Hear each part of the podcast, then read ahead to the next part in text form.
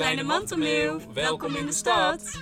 Uh, als je dat wel eens hebt meegemaakt, dat je echt een, een nieuwe broedvogel ontdekt die je nog niet kent, uh, dat dat een, een, echt een spanning uh, met je meebrengt. Van, hey, dat... Wat onze meeuwen daar eigenlijk deden, yeah. zagen ze dat ze de stukjes mais tussen het poep eruit nee. pikten en opaten. Welkom bij de podcast Vogelverhalen. Barbara Kavelaars en Marcel Wortel nemen je mee op een duikvlucht in de database van Sovon Vogelonderzoek. Zo, hè? Nou. Daar zitten we weer. Welkom, beste luisteraar. Daar zijn we weer met een nieuwe aflevering van de podcast Vogelverhalen. Zoals altijd vanuit het bekende, vertrouwde en iets wat stoffige archief van Sovon. Ja, en vandaag gaan we het over een van mijn favoriete soorten hebben. Oh ja, dan gaan we het eindelijk eens een keer over die stadstuif hebben. Nou, nee, niet de stadsduif, maar misschien wel een vogel die veel mensen in dezelfde categorie plaatsen. Uh, even denken hoor. Um, de stadsmeeuw. Ja, precies. Ja? Ja. Meeuwen hebben zo'n slechte reputatie, maar eigenlijk zijn ze ontzettend interessant. Nou, ik weet het niet hoor. Ik dacht dat jij van alle vogels Ja, dat is ook zo. Ik hou wel van, van vogels, maar meeuwen die schreeuwen zo en uh, ze zijn zo brutaal. Ja, dat is ook wel zo. Maar dat zijn alleen maar sommige meeuwen. En ze hebben daar een goede reden voor. Oké. Okay. Okay, nou ja. En gaan we het dan ook over specifiek een bepaalde soort meeuw hebben? Ja, natuurlijk. We gaan het over de kleine mantelmeeuw hebben. Hmm. Die heeft de afgelopen jaren een hele ontwikkeling doorgemaakt. Oké, nou je moet wel met uh, heel wat goede redenen komen om mij ervan te overtuigen dat de meeuwen, en dan in het bijzonder die kleine mantelmeeuw, dat dat de moeite waard is om een hele podcast over vol te praten. Oké, nou ik ga mijn best doen. Uh, gelukkig ken ik nog meer mensen die gefascineerd zijn door meeuwen. We hebben er zelfs hier eentje binnen Sovon. Dus als jij uh, met Albert de Jong gaat praten, dan ga ik in de stad op zoek naar meeuwen met Anouk Speld. Die weet een heleboel over hoe de kleine mantelmeeuw zich heeft aangepast aan het stadsleven. Nou ja, liever dan ik. Kijk je wel goed uit dat je niet ondergepoept wordt? Nou, het zou niet de eerste keer zijn. In Vogelvlucht. Nou, inmiddels zitten we in het archief met eh, Albert de Jong. Albert, jij houdt ontzettend van meeuwen, hè? Dat klopt. Ja, er is zelfs een woord voor. Larofiel. Ja. Ja. En jij, jij beschouwt jezelf wel als larofiel. Ja, dat uh, woord dat draag ik met trots, zeker. En wat is er ja. zo mooi aan meeuwen? Uh, het zijn uh, beesten die je overal tegen kunt komen. Dus uh, het zijn vooral makkelijke vogels om naar te gaan kijken. Nou, ik vind meeuwen, maar daar gaan we het zo over hebben. En niet zo heel makkelijk hoor. Als je, ze zijn eigenlijk bijna allemaal wit met grijs. En soms vind ik het heel moeilijk om, om het onderscheid te zien. Ja, nou dat klopt wel. Kijk, ze zijn makkelijk om tegen te komen. Maar vraag 2 is natuurlijk welke meeuw zie ik? Ja. En dat is inderdaad niet, niet makkelijk. Nee. Nou, laten we even beginnen bij het begin, want we hebben het over de kleine mantelmeeuw. Hoe herkennen we die dan? nou, dat is een, uh, een meeuw die ongeveer zo groot is als een zilvermeeuw. Hij is eigenlijk ietsje kleiner en iets slanker, maar dat valt nauwelijks op. Heeft vooral wat langere vleugels dan de zilvermeeuw. Maar het eerste wat eigenlijk opvalt is dat hij een donkergrijze tot zwarte uh, mantel heeft. Vandaar ja. ook de mantelmeeuw. Ja. hij heeft gele poten. Zeker in het voorjaar, als ze uh, nou, heel broeds worden, hè, heel, heel erg met partners en zo bezig zijn. In het broedseizoen dan zijn die naakte delen, dus de poten en de snavel zijn felgeel. En op de snavel een klein oranje vlekje op de onderkant van de snavel, ja. de gonieshoek. De gonieshoek. Precies. Mooi rood oogringetje. Uh, anders dan bij de zilvermeeuw die een oranje oogring heeft, hebben zij, de kleine mantelmeeuwen, hebben een felrode oogring. En je noemt de zilvermeeuw, maar zijn er nog andere meeuwen waarmee we de kleine mantelmeeuw kunnen verwarren? Ja, zeker. Je hebt ook de geelpootmeeuw, die heeft ook gele poten.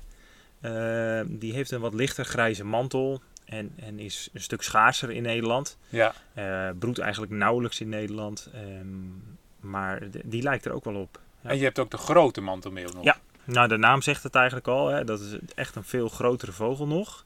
Uh, heeft een nog donkerdere mantel, dus die is bijna zwart. Ja. Um, vooral het formaat is dan belangrijk. De grote mantelmeeuw heeft ook iets meer wit in de vleugel. En heeft, uh, heeft roze poten in plaats van gele poten. Ja. En waar vinden we de kleine mantelmeeuw? Nou, hangt er natuurlijk een beetje vanaf welke tijd van het jaar je neemt. Uh, je hebt het broedseizoen en dan is het een, een, heel algemene broedvogel langs de kust in Nederland. Ja. Um, en dat is een beetje die, die vogels die bij ons broeden. Die verschijnen zo'n beetje eind februari, begin maart. Uh, en dat loopt dan nog een tijdje door. Het zijn trekvogels die vanaf de West-Afrikaanse kust en Zuid-Europa eh, terugkomen naar Nederland. Ehm, en dan de kolonie op gaan zoeken om, eh, om te gaan broeden. En dan trekken ze zo'n beetje oktober trekken ze weer weg. De meeste. Er blijven er altijd een paar honderd wel achter in Nederland. Ja. Ehm, maar van die uh, nou, pakweg 70.000 broedparen, uh, ja, zit, die zitten bijna allemaal in Zuid-Europa en West-Afrika ja. in de winter. Wat eet een kleine mantelmeeuw? Ja, heel veel. Heel veel verschillend, verschillend ook. Het is een, een omnivoor wat dat betreft. Dus ja, want, een... want veel mensen zullen die kleine mantelmeeuw vooral herkennen als rover van patatbakjes en, en afval, afvalbakken. Ja, zeker. Het zijn natuurlijk slimme beesten die uh, echt optimaal gebruik maken van wat wij mensen aan vuil en aan, aan voedsel uh, in het stedelijk gebied achterlaten. Ja. Ik zie dat ook wel bij mij in de straat in Utrecht. Uh, als ik dan thuis zit te werken, dan hoor ik ineens kreten van kleine mantelmeeuwen. En dan weet ik, oh wacht, er zal wel een, een vuilniszak buiten de, de opslag liggen. Ja. En dan kijk je en dan inderdaad, dan zijn ze met een paar zijn ze die vuilniszak aan het opentrekken. Ja. Dat zijn ze, daar zijn ze heel goed in. maar van van nature, even zo gezegd, is het vooral een, een viseter uh, die op zee achter uh, visserschepen uh, vist. Ja. maar als die er niet zijn, kunnen ze ook wel, wel wat vis pakken. en op het land, dus nou, vooral in de zomer, najaar, als er geoogst wordt, geploegd is, dan kunnen ze heel goed uit de voeten met, met bodemdieren. met wormen en zo? Ja, met wormen en zo. Kunnen ze in het voorjaar ook wel een beetje. Maar eh, ja, vuilnisbelten vind je ze ook op. Daar is natuurlijk ook van alles op te vinden aan Ja. menselijk afval. Ja. Dus ze hebben een heel eh, breed eh, dieet. En, Want dan vraag ik me dan wel af, hè, want als je zo, zo ziet scharrelen en ze met, met frietchips, eh, eh, eten uit de Ja. supermarkt, eh, resten fastfood, Ja. best ongezond. Hebben die Ja. meeuwen daar dan geen last van of is het, werkt het anders bij meeuwen? Nou, het zijn natuurlijk van oorsprong zeevogels. Die sowieso een hele sterke maag hebben. Een hele sterke spiermaag. Die kunnen gewoon heel veel hebben. Ja, Ehm, en af en toe gaat het wel mis. Slikken ze bijvoorbeeld een satéprikker in. ja dan zie je Ja. Je ziet ook wel eens meeuwen die, die echt een inschattingsfout hebben gemaakt. Hè? eh, Ergens in het glas hebben gehapt of zo. Ja. Dus daar vallen wel eens slachtoffers door. Eh, maar over het algemeen kunnen ze gewoon heel veel hebben. Ja. Ja. Dus dat maakt het wel, eh, ja, het aanpassingsvermogen aan een heel breed spectrum aan voedsel maakt dat dus mogelijk. Ja, Ja. een generalist eh, zou je het kunnen noemen. Ja.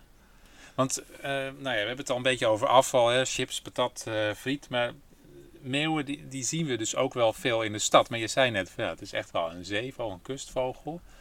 Ja, zeker. Ja, dat is denk ik ook geen, geen zwart-wit onderscheid. Nee. Kijk, ooit is die kleine mantelmeeuw wel van overzee, vanaf eh, eh, Brittannië. Groot-Brittannië is die naar ons gekomen, heeft zich langs de kust gevestigd. En ehm, langzamerhand is die de stad ingetrokken. En eh, hij kan zowel in het bi- binnenland uit de voeten, eh, ook als het om voedsel gaat, als dat hij langs de kust uit de voeten kan. En dat heeft ermee te maken dat sommige kleine mantelmeeuwen eh, nou, achter visserschepen gaan hangen. En de anderen die trekken juist gerust 80, 100 kilometer landinwaarts. Ja. Dus ze, ze maken ook hele lange voedselvluchten. Ehm, en ze weten donders goed waar ze op welk moment moeten zijn om hun kostje bij elkaar te scharrelen. Ja, ze zijn eh, ons land binnengekomen. Want de, de kleine mantelmeeuw die, die is dus niet van oorsprong altijd hier geweest. Nee, nee, ja, dat heb je met sommige soorten. Dat heb ik met de kleine mantelmeel ook wel. Dat je denkt van hoe kan het dat zo'n algemene soort van nu, dat die een eeuw geleden, dat die nog niet eens in Nederland voorkwam als broedvogel. Zo, dat is, dat ja. kun je je bijna niet voorstellen. Maar ik vond, eh, toen ik eh, eh, deze podcast aan het voorbereiden was, vond ik een, eh, een heel mooi artikeltje uit de Ardea. Dat is een vogeltijdschrift dat nog steeds bestaat. Ja, En dat is een, een artikeltje waarin Gerrit Anton Brouwer, een vermaard ornitholoog uit die tijd, uit begin vorige eeuw, beschrijft dat hij de eerste nesten van de kleine mantelmeeuw, de Britse kleine mantelmeeuw met SCH, op de Schelling vindt.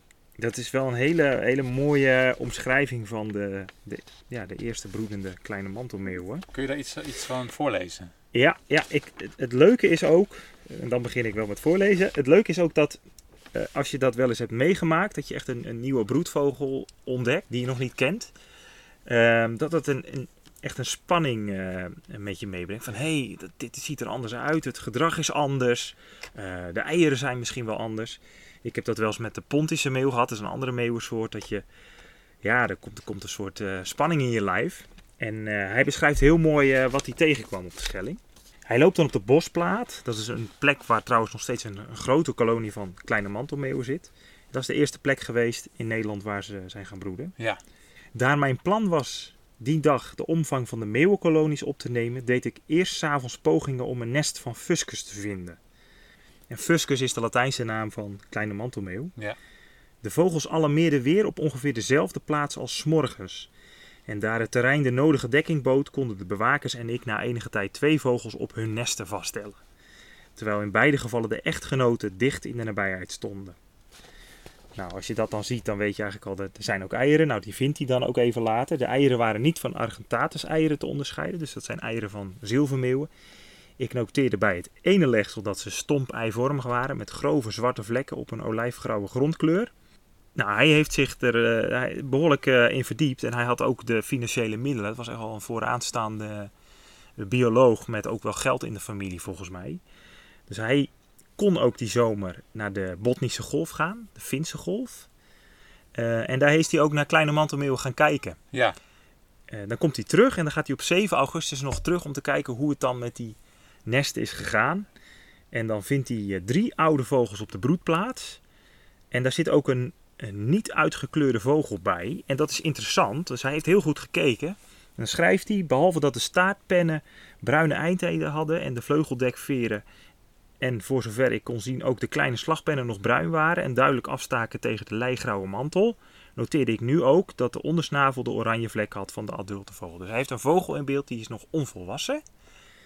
En het mooie is dat als een, een vogel een nieuwe plek ontdekt, dat het vaak jonge vogels zijn die zich op een nieuwe plek gaan vestigen. Ja. En hij ziet dat hier eigenlijk gebeuren. Er zit ook een jonge vogel bij, die vestigt zich op de Schelling.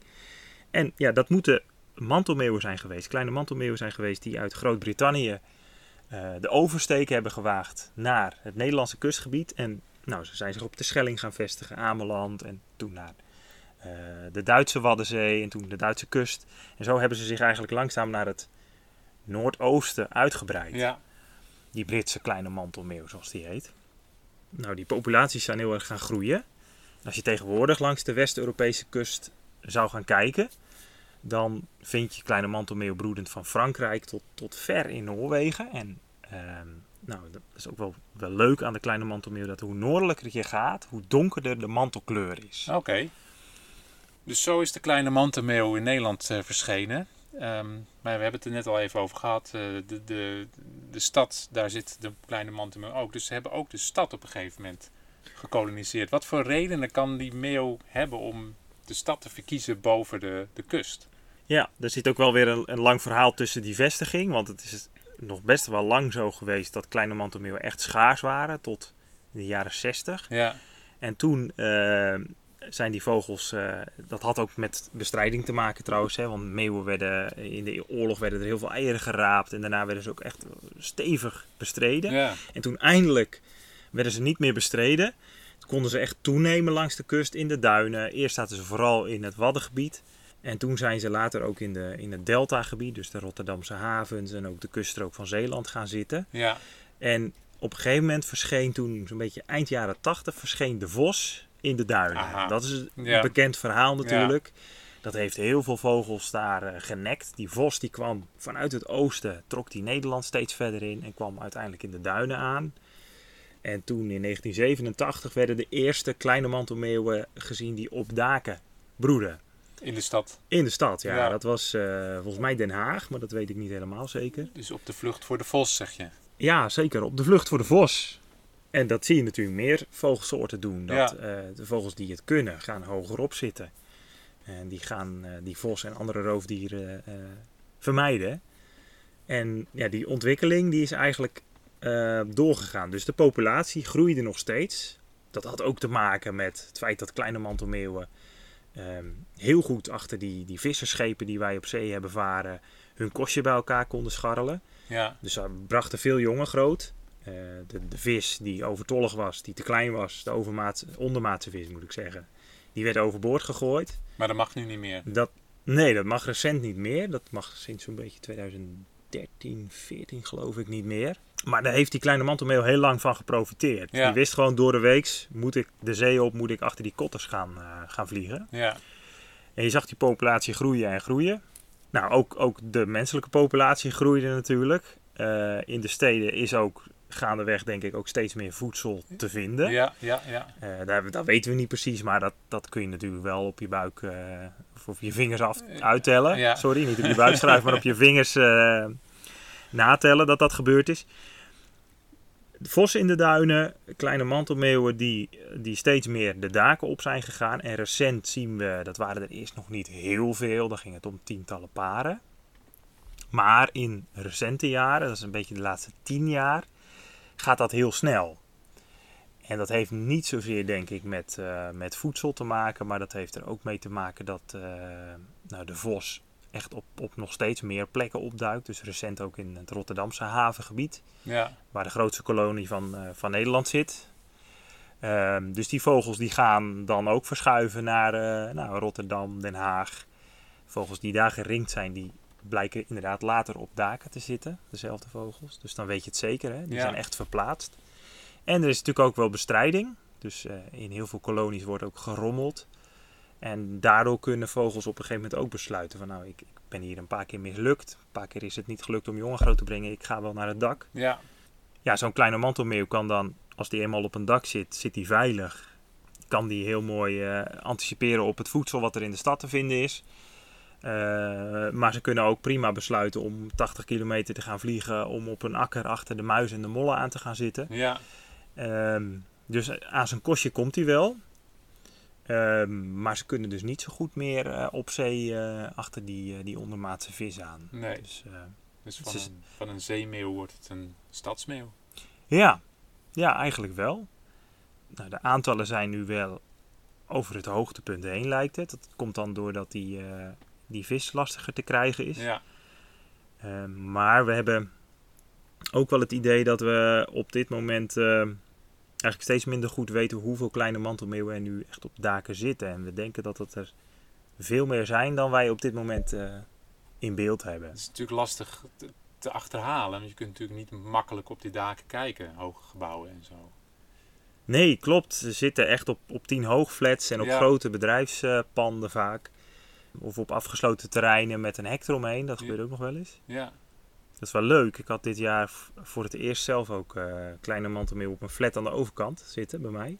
Ja, ik, ik ben eigenlijk gewoon aan mezelf gaan twijfelen van heb ik ze niet eerder eh, over het hoofd gezien. Je werkt natuurlijk nu veel- wat meer thuis, Ja. veel thuis. Dus eh, als je dan de deur open hebt, dan hoor je ineens die alarmkreten en dan ga je toch wat beter kijken. En dan zie je ineens een, een kleine mantelmeeuw staan eh, met een bepaald gedrag en die gaat dan kraaien wegjagen. En dan denk je, ja, Mm. er gebeurt wat meer op dat dak daar zit een dan nest. alleen maar een Ja. beetje naar voedsel loeren. Ja, En daar hebben ze inderdaad ook gebroed. Alleen ja, voordat je op zo'n dak kan kijken, moet je weer naar een ander gebouw eh, in de buurt wat misschien hoger is. Ja. En dan gaan vragen of dat je mag gaan kijken.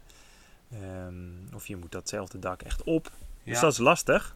Maar eh, we zijn wel van plan om volgend jaar dat met de hulp van eh, vogelaars die eh, dat soort plekken kennen, hè, zoals Ja. ik het net omschrijf, om daar een beter beeld van te krijgen. Want het is wel, het is natuurlijk een, ook een beschermde soort. Er zijn veel plannen rondom windmolens op zee. Ehm, en ehm, nou ja, plekken die broedvrij gehouden moeten worden in de havens bijvoorbeeld. Eh, waardoor er telkens weer de vraag is, ja, maar hoeveel kleine mantelmeeuwen zijn er nu eigenlijk? Ja. En hoeveel zouden er doodgaan als wij dit doen? ja, Of gaan verplaatsen? Dus het is ook wel heel belangrijk om die populatie eh, goed in beeld te hebben. En het is ook nog hartstikke leuk natuurlijk eh, om een beetje achter de meeuw aan te zitten. als larofiel moet je dat aanspreken.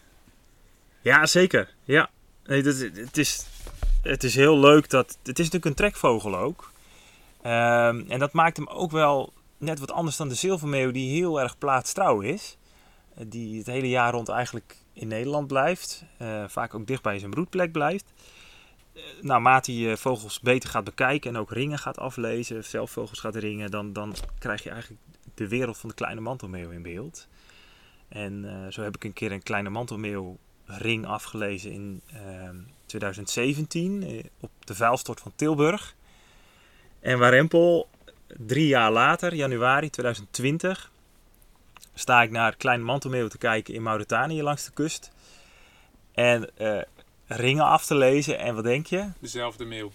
Hetzelfde individu. Ja. Dus ik kreeg de terugmelding van de ringer. En, eh, en verrek, ik had hem drie jaar eerder al eh, in Nederland Dus gezien. jullie hebben dezelfde reis afgelegd. Ja, precies. Dus dan krijg je ook die patronen van die individuele vogels krijg je eruit. En dat, eh, dat maakt het ook zo leuk. Hè? Die meeuwen die zijn goed te zien. Er wordt veel ringwerk aan gedaan. Dus het is een leuke groep om ook, eh, ook naar te kijken. Marcel heeft net uitgebreid met Albert besproken hoe de populatie kleine mantelmeeuwen zich in Nederland heeft gevestigd en steeds verder uitbreiden. En Albert vertelde al dat deze meeuwen tegenwoordig vaker het bewoonde gebied intrekken. Om de kleine mantels te zien hoef ik dus voor de verandering niet het hele land door te reizen, maar ben ik alleen even op de fiets gestapt, want ze zitten ook bij mij in de buurt. Ik heb hier vandaag afgesproken met Anouk Spelt, die jarenlang onderzoek heeft gedaan naar hoe meeuwen het stedelijk gebied gebruiken. Ik ben benieuwd. Bevlogen vriend. Hallo Anouk, dankjewel dat je vandaag tijd voor ons wilt vrijmaken om eh, op zoek te gaan naar de kleine mantelmeeuw. Gelukkig hoefden we daar allebei niet heel ver voor te reizen. Kun je de luisteraar even vertellen waar we hier zijn? Ja, natuurlijk. Eh, we zijn in Amsterdam en wel bij de Sloterplas. Nou, we zitten hier op een bankje en we kijken naar het water. En voor ons zijn heel veel verschillende vogels, waaronder allemaal meeuwen. Nou ja, we zitten aan het water, maar achter ons zijn alle gebouwen en om ons heen zijn gebouwen. Eh, wel ook een park natuurlijk, want een stad eh, bestaat ook uit parken en groen. Wat natuurlijk heel fijn is voor vogels. Ja, want het is al best wel laat na het broedseizoen, maar er zitten nog steeds heel veel meeuwen hier. Ja, Dus het ziet eruit als een ja, goed plekje voor ze. Ja, ja, ze vinden het hier wel lekker. Ehm, en een bijkomstig voordeel is dat ze hier eh, helaas eh, ook gevoerd worden. Ehm, het mag niet in Amsterdam, maar dit zijn wel plekken waar, waar mensen af en toe de meeuwen voeren. We hebben hier namelijk eentje die voor ons neus zit te kijken en zit te wachten Ja. tot we eh, hem of haar iets gaan geven. Ja, terwijl op zich, deze is nog best wel beleefd. Heel Zit, eh, beleefd. gewoon ons heel lief aan te staren. Ja, Maar, kijken of eh, mijn veter iets is wat, eh, wat hij kan eten. ja. Maar er zijn natuurlijk ook nog hele andere, andere voedselbronnen hier in de stad voor de meeuwen. En jij hebt onderzoek gedaan jarenlang naar ehm, ja, hoe de meeuwen de stad gebruiken. Kun je ons daar wat meer over vertellen? Ja, zeker. Ehm, ik- toen ik begon met mijn eh, promotieonderzoek, eh, ja, alweer zes jaar geleden, ehm, toen was er nog niet zo heel veel bekend over, over de meeuw, over hun, voornamelijk over hun eh fourageergedrag wisten we eigenlijk nog niet zoveel. We wisten eh, dat ze wel in de stad broeden en hoe hun nestgedrag eruit zag. Maar wat ze eigenlijk deden in de stad was relatief onbekend. Ehm, dus daar, daar was ik voornamelijk geïnteresseerd in. Van oké, maar ze, ze leven, ze broeden in de stad. Wat doen ze eigenlijk daar? Ehm, en een van de eerste dingen die we zagen was eh, dat de meeuwen die ik onderzocht in, in de stad Bristol in Engeland, dat die eigenlijk helemaal niet naar de zee gingen. Ze bleven gewoon in de stad en de omstreken van de stad. Dus de meeuwen die wij kennen als zeemeeuwen, eh, dat waren niet deze meeuwen. die zagen geen zee. Nee, dus eigenlijk zeemeeuwen zijn tegenwoordig stadsmeeuwen. nou ja, deze meeuwen. Deze, deze meeuwen in de, in de stad. Ja, bij, eh, ja, stadsmeeuwen. Meer stads dan zee. En wat maakt de stad zo aantrekkelijk voor ze? Eh, nou, er zijn eh, allerlei factoren die aantrekkelijk zijn. En een van de belangrijkste is waar we het eigenlijk net al over hadden, is het voedsel. Ehm, de, stad, ja, de stad heeft gewoon heel veel voedsel. En dat is voornamelijk door afval van wat wij mensen in de stad laten. Eh, en in Bristol voornamelijk zag je ook dat heel veel vuilnisbakken, borden vol met voedsel zaten. Dat eh, mensen hun eh, etensresten buiten op de, op de straat laten liggen. Dus dat is een heel, ja, heel makkelijk voor hun, voor meeuwen. Niet alleen voor meeuwen, maar ook voor andere dieren. Heel makkelijk om, om daar eten te vinden. Ehm, en daarnaast heb je ook nog allerlei andere minder eh, leuke plekken. We zijn ook naar een, eh, eh, een afvalcentra geweest. Waar dus al het vieze vuil afval dat vanuit je huis komt op grote bergen staan. Dus dat stinkt enorm. Maar dat trekt heel veel meeuwen aan. Ja, dat, eh, zal wel. dat is hun favoriete plekje. En eh, ja, daar zagen we er echt heel veel. Ehm, maar niet alleen dat, ook het watercijferingssysteem van de stad zagen we meeuwen heen gaan. En wat ze daar deden wisten we eigenlijk niet zo goed. Maar ze gingen, toen we er op bezoek gingen om eigenlijk te kijken waar onze meeuwen, wat onze meeuwen daar eigenlijk deden, eh, zagen ze dat ze de stukjes eh, mais tussen het poep eh, eruit Nee. pikten en opaten. Dus Dat ja, dat was heel lekker. en wel heel interessant om te zien. Dat is dat dat een van de redenen waren waarom ze daarheen gingen. En, maar hoe kwam je er dan achter dat die meeuwen op die plekken zaten? Eh, ja, het is onmogelijk om naar alle plekken in de stad te gaan om te kijken wat meeuwen doen. Eh, het is dus een hele eh, leuke en handige tactiek daarvoor en dat zijn GPS-zenders. Ehm, die kan je eh, bij allerlei dieren, maar ook bij meeuwen eh, op de rug als een soort eh, backpackje, als een rugzakje plaatsen. En die geven dus data door over waar de meeuw zich bevindt en wanneer. Dus net als je GPS op je telefoon eigenlijk, kan je ook meeuwen en andere dieren volgen aan de hand van deze GPS-trekkers, zendertjes. Ja, en nu is het toeval dat er toevallig echt super toevallig eentje recht voor ons neus zit met een zender. Ja, Ehm, ja, dus, je hebt hem zelf eh, gezien. Een Ja. mooie, mooie ring om de linker eh. En een zendertje als backpack op de rug. Ja. ja, en dit is duidelijk ook een eh stadsmeeuw, want eh, ja, hij weet precies waar, waar je het eten kan vinden. ja, Maar het zal heel interessant zijn om te achterkomen waar deze meeuw vandaan komt. Eh, Ja. Dat kunnen we door middel van eh, de, de code die op de ring zit. En dan kunnen we kijken of hij hier eh, vaker komt. Of mensen hem hier vaker hebben gezien. En met GPS-data waarschijnlijk ook veel meer eh, kunnen, ja, kunnen veel meer uit, ja, uitvinden over wat hij, wat hij aan het doen is. ja, het is echt, eh, ja, wat een toeval. Ja. ja, en dat hebben wij dus ook gedaan in Ja. Bristol. en eh, hoe, wat, wat waren jullie uitkomsten daar? Nou ja, naast wat ik dus had gezegd dat, ze, dat we zagen dat de meeuwen eigenlijk niet naar de zee gingen, ehm, vonden we nog iets heel interessants. Is dat ze naar allerlei verschillende plekken in de stad gingen. ehm, maar dat bepaalde meeuwen eigenlijk alleen maar naar bepaalde plekken gingen. Dus sommige individuen hadden duidelijk een voorkeur voor een bepaalde, ja, een bepaalde plek waar voedsel te vinden was. Ehm, en daar gingen ze dan ook elke dag op dezelfde tijdstip naartoe. Terwijl er misschien een andere plek in de buurt was waar ook eten was, maar daar gingen zij dan niet naartoe. Dus het was heel interessant dat ze dus echt ja, een eigen voorkeur had, hadden. Dus stel er zijn eh, twee, twee meeuwen die naast, el- naast elkaar broeden, twee paardjes of zo. En de een gaat ver weg forageren en op zoek naar eh, die ene vuilnisbelt, terwijl de ander voor de deur eet. Ja, ja. Ehm, dus dat zagen we. En je kan het ook wel een beetje bedenken aan, aan ons eigen gedrag. Wij hebben ook wel eens voorkeuren voor bepaalde supermarkten. En je zou bijvoorbeeld, je gaat misschien naar die ene Jumbo of Albert Heijn die iets verder weg is. Maar je weet precies wat daar te vinden is en in welke, ehm, welke rij je wat kan vinden. Terwijl een supermarkt dichterbij in de buurt misschien niet. Ehm, en het is natuurlijk niet hetzelfde, maar dat is voor hun misschien ook een manier van, nou, ze weten precies waar het eten is en wanneer. Dus waarom stop je energie in eh, langer zoeken naar je voedsel, terwijl je ergens heen kan gaan waar je meteen weet, daar kan ik iets vinden. Ja, en in de stad is het natuurlijk heel makkelijk. Er zijn heel, hele vaste ritmes en patronen. Ze weten precies wanneer, nou ja, elke dag, wanneer de vuilnis wordt buitgezet. Of eh, wanneer er misschien eh, lunchpauze is geweest op school. Nou, eh, leuk dat je dat noemt. Want toevallig hebben we dat, dat ook een uitkomst van, van ons onderzoek. dat we gekeken hebben naar hoe meeuwen de dag doorbrengen en wat ze precies doen op welke, ja, wat hun dagritme is. Eh, en we zagen dat sommige meeuwen dus echt een, een patroon hadden. S ochtends vroeg gingen ze naar de parken in de stad. Want dan is het gras nog lekker nat en dan komen de wormpjes en de insecten naar boven. En dan konden ze daar lekker op eten. Nou, gingen ze weer terug naar een jongere eh, of naar een jongen. En eh, dan om 12 uur was het lunchtijd. Dan gingen ze naar een bepaalde school waar ze op de daken wachten tot de bel ging van de lunch. En op het moment dat de bel ging, sprongen ze op, gingen ze eh, rondvliegen op, ja, op zoek naar wat de kinderen nou weer te eten hadden en, en wat ze achterlieten. Ehm, weer terug en dan aan het eind van de dag gingen ze naar of een vuilnisbelt en dan daarna konden ze lekker eh, eten of naar, een, of naar een afvalcentrum waar ook nog eten naartoe werd gebracht. Dus ze hadden echt een dagritme. Dat volgde na het ritme wat wij als mensen doen. En dat vond ik zo interessant Ja, om te zien. Heel fascinerend. Ja. ja, zeker. Ja, daar zou je niet bij stilstaan als je, als je die meeuwen nu hier voor ons ziet. Dat ze allemaal ja, ons eigen ritme volgen. En Ja. ook hun eigen ritme, met hun eigen voorkeuren. Ja, zeker. Eh, en het was juist zo leuk om, om met mensen in de stad hierin over gesprek te gaan.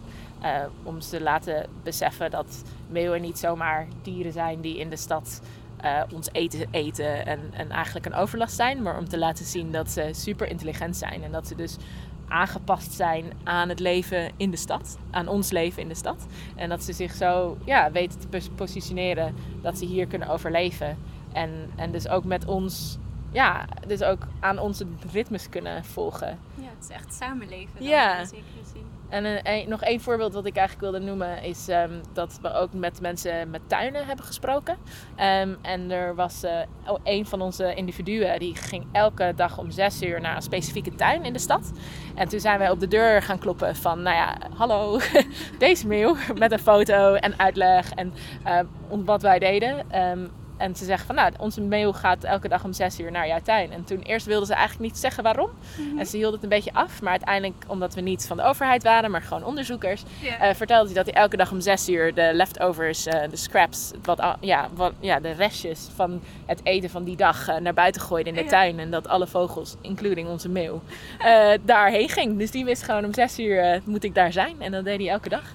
Ehm, dus dat vond ik ook zo leuk. En toen wij dus dat vertelden, was die man zelf ook helemaal enthousiast over dat wij dat dus in onze data terug konden zien. En toen was hij ook weer een enthousiaste meeuwenliefhebber. Dus het is eh, heel leuk om, om zo ook met de mensen in de stad eh, te praten over meeuwen. Ja, en zo zie je ook wel dat, dat je, die GPS-zenders geven veel informatie, maar uiteindelijk is het toch goed om ook te kijken wat er dan op precies gebeurt. eh. Ja, zeker. En dat is echt belangrijk. Want ehm, ze geven veel informatie. Je krijgt een supergoeie dataset. Maar je weet niet de details. Dus ehm, ja, echt. Uiteindelijk komt het ook op observeren neer. En, eh, Zeker, en ja. vragen stellen. Ja, de combinatie eh, is, is het best. En zijn er nog andere dingen die jullie... Oh, de meeuwen vliegen opeens allemaal weg. Er Ja, ja. wel iets... Iets te eten zijn. Ja, het is, Wordt het is tijd om, om te gaan eten, duidelijk. ja. Eens kijken waar ze naartoe gaan. Ja, ze vliegen een beetje rond. Ja, iets, iets heeft ze getriggerd. Ja, maar ze komen wel weer terug. Kijk, ze zitten daar ook allemaal op de daken. Ja.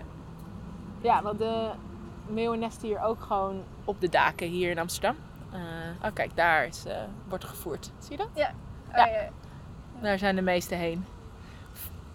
Vaak is het al op als de laatste erbij zijn. Ja. ja. Ja, maar de meeuwen maken dus ook nesten op de daken hier in de stad. Ja, maar zover ik weet is dat eh, nog niet per se in kaart gesteld. Maar ik woon hier om de hoek. En eh, ik eh, heb tijdens deze zomer heel veel meeuwen gehoord. Ik vind het super leuk. om de meeuwen en de baby's en de sorry, de meeuwen en de kuikens te horen. Ehm, maar ja, ze zijn hier ook echt in de stad. Eh, en ze komen niet alleen maar uit, eh uit Texel. Zoals het bekende meeuwverhaal van de meeuw uit Texel die naar Amsterdam vliegt voor een patatje. Ja. Eh, ze, komen hier, ze zijn hier nu ook echt in, de- in, de, in de stad. Ja. En zijn er ook nog andere redenen ehm, dat de stad zo aantrekkelijk is voor meeuwen? Eh, ja, nou, we hebben natuurlijk net gehad over voedsel. Wat wel denk ik een van de belangrijkste redenen zijn. Ehm, maar als je ziet, kijk naar onze daken. Het zijn eh, hele platte daken, veel platte daken. Ofwel ook met hoeken, maar hele fijne plekken waar meeuwen hun nesten kunnen bouwen. En ver van de grond. Ehm, dus problemen waar kustkolonies last van hebben. Van predatoren die, eh, eh, die de chicks, die de kuikens opeten of de meeuwen last bezorgen. Die hebben we niet in de stad. Dus dat is wel Ah, ook echt een, een, ja, een zeer groot voordeel van de stad. Ehm, daarnaast is het ook warm. Eh, warmer in de stad. Het is Mhm. iets wat heet Urban Heat Island effect. Eh, dat door de stad is het warmer en dit kan allerlei ja, positieve effecten hebben op dat ze langer kunnen broeden, maar ook dat de hitte eh, ja, andere soortige voordelen kunnen geven. Ehm, eh, en nog een ander voordeel van broeden in de stad kan het zijn dat meeuwen energie kunnen besparen door gebruik te maken van bepaalde structuren in de stad. Oh, hè? Hoe, hoe werkt dat? Ehm, nou, de, in de stad kan het best wel hard waaien. Mhm. Ehm, en als de wind heel hard waait, kan het tegen een gebouw aangaan en dan wordt het naar boven gedeflecteerd. Dus dan gaat de wind naar boven. Eh, en dat, die opwaartse wind kunnen meeuwen gebruiken om energie te besparen. Want dat, die Ah. opwaartse wind houdt ze eigenlijk in de lucht. Dus ze hoeven niet meer hun vleugels heel hard heen en weer te bewegen. Maar door die wind die omhoog gaat, kunnen ze Kunnen ze Eh. gewoon daar blijven zweven zonder enige moeite te doen? Of minder moeite? En misschien ben je wel eens op het strand geweest als het heel hard waait. Eh, hetzelfde gebeurt met de duinen. En dan heb je misschien wel eens hele groepen meeuwen langs de duinen heen en weer zien gaan. Eh, en die gebruiken van ditzelfde ja, hetzelfde effect. De ja, opwaartse lucht. Eh, Oh. Eh, is er nog iets dat je de luisteraar zou willen meegeven? Ja, zeker. Ehm, iets wat ik ook eigenlijk altijd tijdens mijn onderzoek deed, is eh, met mensen in gesprek gaan over, over meeuwen. Omdat ik denk dat het eh, enorm interessante en intelligente dieren zijn. Eh, en ik wilde graag, en nog steeds wil ik, dat mensen dat ook, ook inzien. Ehm, dus ik hoop dat iedereen die naar deze podcast heeft geluisterd en ook ehm, nou, wat meer wilt weten komen over meeuwen. Ehm, maar ook begrijpt dat zij dus heel bijzonder zijn, omdat zij weggegaan zijn van de kusten, steeds meer naar de steden. Eh, en dat ze hier ja, zich aangepast hebben aan het leven dat wij hebben. Ehm, en op een manier dat ze nu kunnen overleven in een stad best wel, ja, eh, best wel relatief nieuw, eh, nieuw gebied voor hun. Ehm, en dat zij hier zijn. En ik hoop dat als mensen meeuwen tegenkomen in hun stad of in hun dorp, eh, dat zij dan zullen denken aan, aan het verhaal achter, achter deze meeuw. Van oké, waar zou die vandaan zijn gekomen? Waar gaat hij heen? Waar haalt hij zijn voedsel? En hoe kunnen wij samen in, in, in ons gebied samen met elkaar leven? Ehm, want ik denk dat dat de toekomst is. Dat meeuwen niet zullen verdwijnen uit ons straatbeeld. Ehm, en dat wij eh, een manier moeten vinden om samen met meeuwen in onze stad te leven. Nou, dat was weer eh, heel verhelderend, moet ik zeggen. Dus, dus eigenlijk kunnen die meeuwen er dus helemaal niet zoveel aan doen dat ze hun heil in de stad moeten zoeken. Nee, ik denk dat ze zelf ik denk dat ze veel liever aan de kust zouden zitten. Ik wel in ieder geval. En heb jij misschien nog een goed verhaal over de kleine mantelmeeuw? Ja, natuurlijk. Ik heb altijd wel wat te vertellen over meeuwen. Nou, kom maar op dan. Eh, ja, moet ik dat dan nu gaan voorlezen? Ik ben dus heel slecht in voorlezen. Ja, dat moet. Dat moet, maar Ik ben... Ja. Ik ga je heel veel stotteren. ja, dat moet niet. Dat- Ik denk dat ik een paar keer nodig heb. Oké. De haven van Zeebrugge was de favoriete pleisterplaats voor een hele grote kolonie meeuwen. Ze broeden graag op de braakliggende terreinen in de haven, waar het lekker rustig is. In 2014 besloot het havenbestuur de bestemming van een deel van die gronden te wijzigen, waardoor de kolonie werd geasfalteerd en bebouwd. De meeuwen kregen nieuwe gebieden toegewezen van de haven, maar ja, ga maar eens aan zo'n meeuw uitleggen dat hij 100 meter verderop moet gaan zitten. Ze moeten zo'n plek eerst ontdekken en om te broeden moet het aan bepaalde criteria voldoen. Bijvoorbeeld rustig en beschut zijn. In plaats daarvan vertrokken een hoop meeuwen naar Nederland. Naar de kolonie in de haven van Oost-Vlissingen. Enkele tientallen kilometers noordelijker. Daar vonden ze een nieuwe broedplaats. Door met GPS-zenders naar het verplaatsingsgedrag van de meeuwen te kijken, kwamen onderzoekers erachter dat ze nog steeds naar de vertrouwde plekjes in België trekken om eten te halen.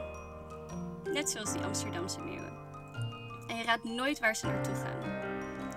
Voor veel Belgische meeuwen, en dus ook de meeuwen die naar Vlissingen verhuisden, is de favoriete plek om eten te halen een chipsfabriek in West-Vlaanderen. Dus de volgende keer dat jij lekker achter de tv zit met je zakje chips, bedenk dan dat je meer met meeuwen gemeen hebt dan je denkt. Oké, nou jij hebt me inmiddels wel overtuigd hoor. Yes, ik heb mijn doel bereikt. Hopelijk eh, kijken onze luisteraars nu ook met wat andere ogen naar meeuwen. Ja, of dat onze kijkers met andere oren naar het geschreeuw van ze gaan luisteren. Oké, Marcel, daar gaan we weer. Tijd om af te sluiten. Heel veel dank aan Albert de Jong en Anouk Speld voor hun interessante verhalen. En jij natuurlijk voor het luisteren. Ja, en dan ben je misschien ook wel benieuwd waar we het de volgende keer over gaan hebben. Ik kan wel alvast een kleine hint geven. Een van de grootste vogels van Nederland. Ik heb er nu al zin in. Ja, en ik hoop jullie ook, luisteraars. Tot de volgende keer. Tot de volgende keer. Doei! Doei. Nog niet uitgevogeld? Voor meer informatie over de onderzoeken van Sovon Vogelonderzoek Nederland bezoek je de website www.sovon.nl. Daar vind je ook hoe je vrijwilliger kan